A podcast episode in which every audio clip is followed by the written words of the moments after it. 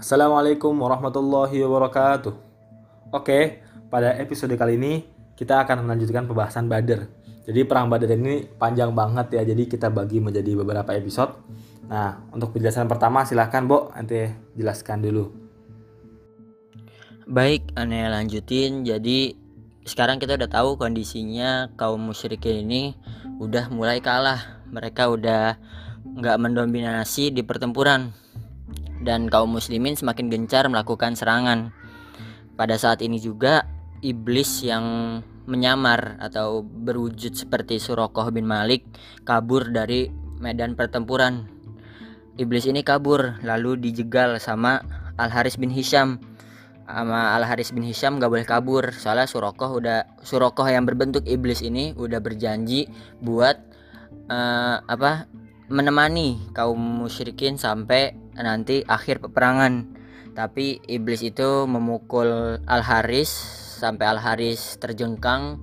Nah, si Surokoh yang berbentuk eh si iblis yang berbentuk Surokohnya ini terus tetap kabur dan ada yang bilang, ada yang meriwayatkan si iblis ini lari menuju ke arah laut dan menceburkan dirinya ke laut.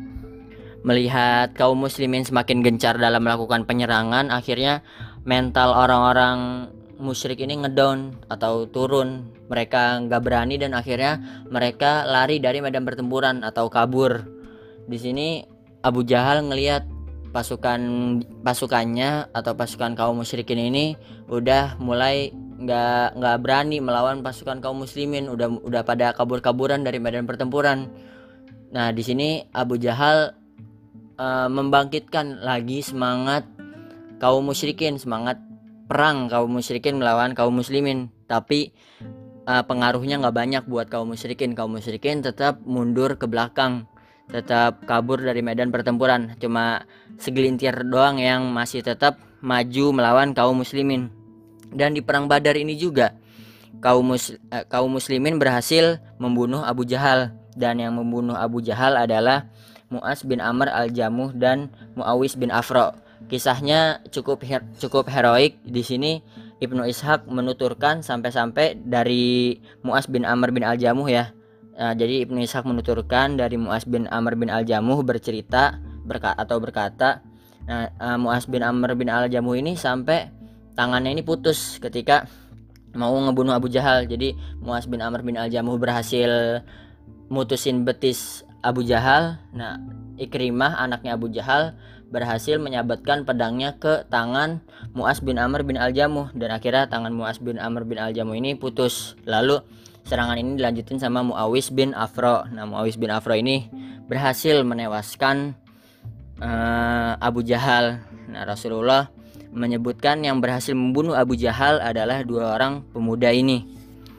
Dan di perang Badar ini juga iman kaum muslimin benar-benar diuji karena di perang ini adalah perang pertama kaum muslimin dan juga di perang Badar ini adalah perang di mana saudara ketemu uh, saudara, anak ketemu ayah, sahabat ketemu sahabat.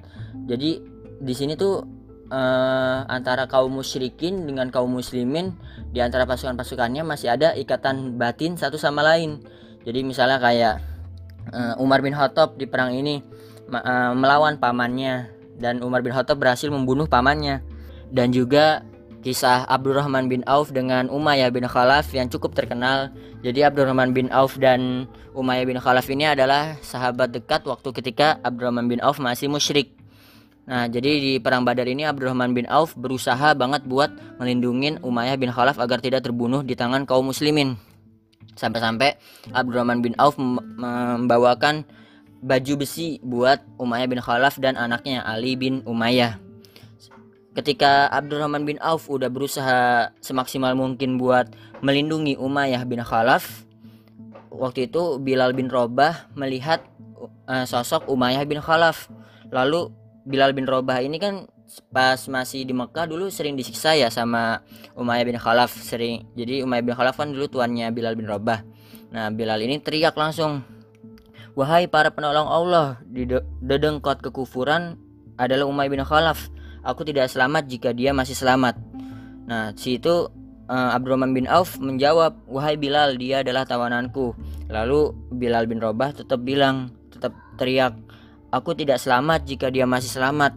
Terus teriak begitu, akhirnya kaum muslimin berusaha membunuh Umayyah bin Khalaf sampai-sampai di sini diceritakan di Ar-Rahiq Al-Maktum Abdurrahman bin Auf itu uh, menyuruh Umayyah bin Khalaf untuk telentang. Dan uh, Abdurrahman bin Auf juga telentang di atas badannya Umayyah bin Khalaf. Dan di situ umat mus, uh, pasukan muslim berusaha menusuk Umayyah bin Khalaf lewat celah-celah dari samping mungkin ya samping kanan kiri itu kan ada celahnya kalau ditindihin gitu. Dan sampai-sampai pedang kaum muslimin itu juga mengenai tubuh Abdurrahman bin Auf dan Abdurrahman bin Auf gagal melindungi Umayyah bin Khalaf dan akhirnya Umayyah bin Khalaf meninggal tewas dan anaknya juga Ali bin Umayyah tewas. Terus juga di Rasulullah sendiri di barisan kaum musyrikin ini ada paman Rasulullah Shallallahu Alaihi Wasallam yaitu Al Abbas bin Abdul Muthalib. Di sini di perang Badar ini Rasulullah melarang kaum muslimin untuk membunuh Al Abbas bin Abdul Muthalib paman Rasulullah. Dan di perang Badar ini juga Rasulullah melarang untuk membunuh Abul Bahtari. Kenapa Rasulullah melarang membunuh Abul Bahtari? Karena pada saat masih di Mekah, Abul Bahtari ini adalah sosok yang sangat baik kepada Rasulullah Shallallahu Alaihi Wasallam. Dan juga Abul Bahtari ini adalah salah satu sosok yang mendukung pembatalan piagam Madinah yang berinisiatif menggugurkan piagam kok piagam Madinah sih uh, piagam pemboikotan sorry Pembi uh, piagam pemboikotan terhadap Bani Hashim dan Bani Al Muthalib yang udah kita jelaskan sebelumnya ya. Nah tapi walaupun juga akhirnya di perang Badar ini Abul Bahtari terbunuh, padahal Abul Bahtari udah ditawarkan untuk uh, tidak dibunuh apa, udah ditawarkan untuk selamat mungkin menjadi tawanan, tapi Abul Bahtari memilih untuk tetap mati. Oke, alhamdulillah segini dulu episode kali ini. Kurang lebihnya mohon maaf, semoga bermanfaat. Jangan lupa di dengerin episode-episode sebelumnya buat yang belum denger biar nyambung dan juga jangan lupa ditunggu episode selanjutnya dan jangan lupa buat nge-share podcast ini ke teman-teman kalian supaya kita biar pinter bareng-bareng gak pinter sendiri aja. Kurang lebihnya mohon maaf, semoga bermanfaat. Wassalamualaikum warahmatullahi wabarakatuh. Oke, Anda lanjutin. Jadi, peperangan berakhir dengan kekalahan fatal di pihak kaum musyrikin dan kemenangan di pihak kaum muslimin. Dalam peperangan tersebut, jumlah kaum muslimin yang syahid 14 orang, yaitu enam orang dari muhajirin dan 8 orang dari ansor. Kenapa aneh sebut uh, kekalahan fatal di pihak kaum musyrikin karena pada perang tersebut mereka yang terbunuh 70 orang. Sebenarnya sih kalau dibilang 70 orang ini dari 1000 itu tidak banyak ya. Tapi uh, ditambah lagi dengan 70 orang ditawan dan mayoritas yang terbunuh dan yang tertawan adalah para pemimpin dan tokoh-tokoh mereka. Ya pastinya mereka memiliki harta yang banyak, pengaruhnya juga besar. Uh, apa sehingga ketika mereka ditawan pasti stabilitas Makkah akan terganggu gitu kurang lebih seperti itu. Nah ketika peperangan berakhir Rasulullah Shallallahu Alaihi Wasallam mendatangi mayat-mayat kaum musyrikin dan berdiri di hadapan mereka sambil berkata sungguh buruk perlakuan kalian terhadap seorang nabi dan keluarga kalian sendiri. Kalian mendustakan diriku sedangkan orang lain membenarkan aku. Kalian menghinakan aku sedangkan orang lain membelaku Kalian mengusirku, sedangkan orang lain menampungku. Kemudian beliau memerintahkan agar semua mayat kaum musyrikin itu dimasukkan ke dalam sumur kering badar.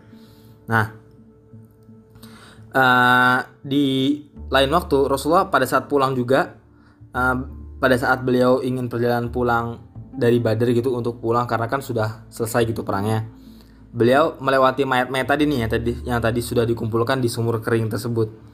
Nah, beliau memanggil nama-nama mereka dengan sebutan dengan sebutan wahai fulan bin fulan wahai fulan bin fulan apakah kalian merasa senang seandainya kalian mentaati Allah dan Rasulnya kami telah menerima kebenaran janji Rob kami yang diberikan kepada kami apakah kalian telah menerima kebenaran Rob, janji Rob kalian yang diberikan kepada kalian Kemudian Umar bin Khattab berbicara, "Wahai Rasulullah, mengapa Anda mengajak bicara jasad-jasad yang sudah tidak memiliki ruh lagi?" Kan orang pasti bingung.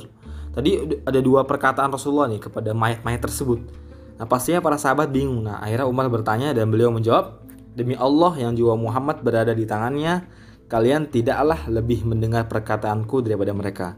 Dalam riwayat lain, kalian tidaklah mendengarkan perkataan mereka, hanya saja mereka tidak menjawab gitu. Jadi ini percakapan apa seorang nabi gitu yang tentunya punya mukjizat dengan orang yang sudah meninggal gitu. Jadi orang biasa tidak bisa mendengar hal tersebut. Nah, kaum musyrikin yang tersisa nih yang tidak terbunuh dan tidak tertawan melarikan diri dari Badar secara tidak beratur. Jadi sendiri-sendiri udah asal random aja lari gitu pulang. Dan mereka terpencar di lembah-lembah dan lorong-lorong serta menuju arah Makkah dengan penuh ketakutan. Mereka tidak mengetahui bagaimana harus memasuki Makkah dengan menanggung rasa malu. Nah, ada kisah dari Ibnu Ishaq.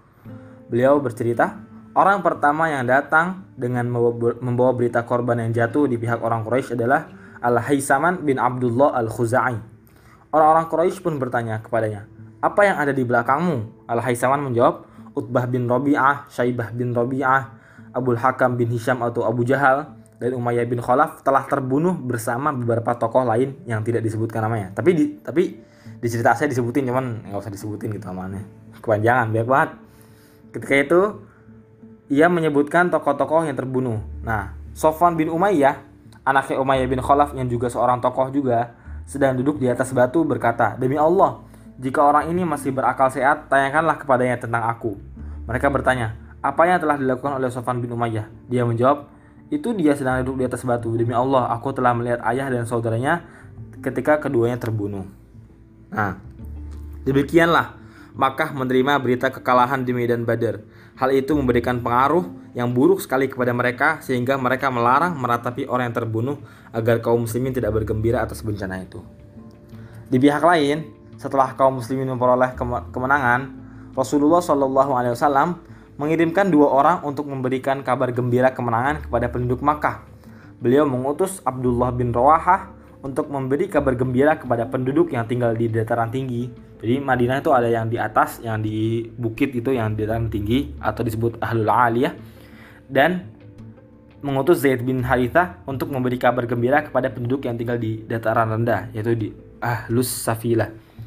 Nah, orang-orang Yahudi dan munafik mereka dengki gitu dengan kemenangan tersebut. Akhirnya mereka menyebarkan berita-berita bohong di Madinah sebelum Rasulullah datang ke Madinah kan Rasulullah pulang dari Badar gitu. Tapi kan belum datang ke Madinah. Akan tetapi orang Yahudi dan munafik telah lebih dahulu menyebarkan berita bohong uh, sampai mereka mengisukan kematian Nabi Muhammad SAW. Ketika salah seorang munafik melihat Zaid bin Harithah mengendarai Qaswa atau untanya Rasulullah, ia berkata, "Laqad qutila Muhammad wa hadhihi naqatuhu na'rifuha." Wahada Zaid la yadri ma yaqulu min ar-ra'b wa. Muhammad telah terbunuh. Itu dia onta yang telah kita ketahui gitu. Zaid tidak mengetahui apa yang harus dia katakan karena ketakutan dan dia datang dalam keadaan kalah. Nah, setelah dua orang utusan tadi, tadi tiba di Madinah yaitu Abdullah bin Rawah dan Zaid bin Harithah, keduanya dikerumuni oleh kaum muslimin. Kaum muslimin kemudian mulai mendengarkan berita dari keduanya. Setelah mereka yakin akan kemenangan kaum muslimin, mereka diliputi oleh rasa gembira. Ucapan tahlil la ilaha illallah dan takbir Allahu Akbar pun bergema di seluruh penjuru Madinah. Para pemimpin kaum muslimin yang berada di Madinah mendatangi jalan yang menuju Badar untuk memberikan ucapan selamat dan menyambut Rasulullah SAW atas kemenangan yang nyata tersebut. Usamah bin Zaid berkisah, kami mendengar berita yang menggembirakan itu pada saat kami sedang memakamkan jenazah Ruqayyah binti Rasulullah SAW yaitu istri Utsman bin Affan radhiyallahu an. Rasulullah SAW menyerahkan kepadaku bersama Utsman untuk merawat, merawatnya. Jadi Utsman bin Affan tidak ikut perang karena istrinya yang juga anak dari Rasulullah yaitu Ruqayyah sedang sakit gitu. Nah jadi ketika Ruqayyah meninggal dan ingin dimakamkan Rasulullah tiba di Madinah. Oke, cukup untuk episode kali ini. Saksikan terus untuk episode-episode selanjutnya. Pantengin terus. Kurang lebih mohon maaf. Barakallahu fikum. Wassalamualaikum warahmatullahi wabarakatuh.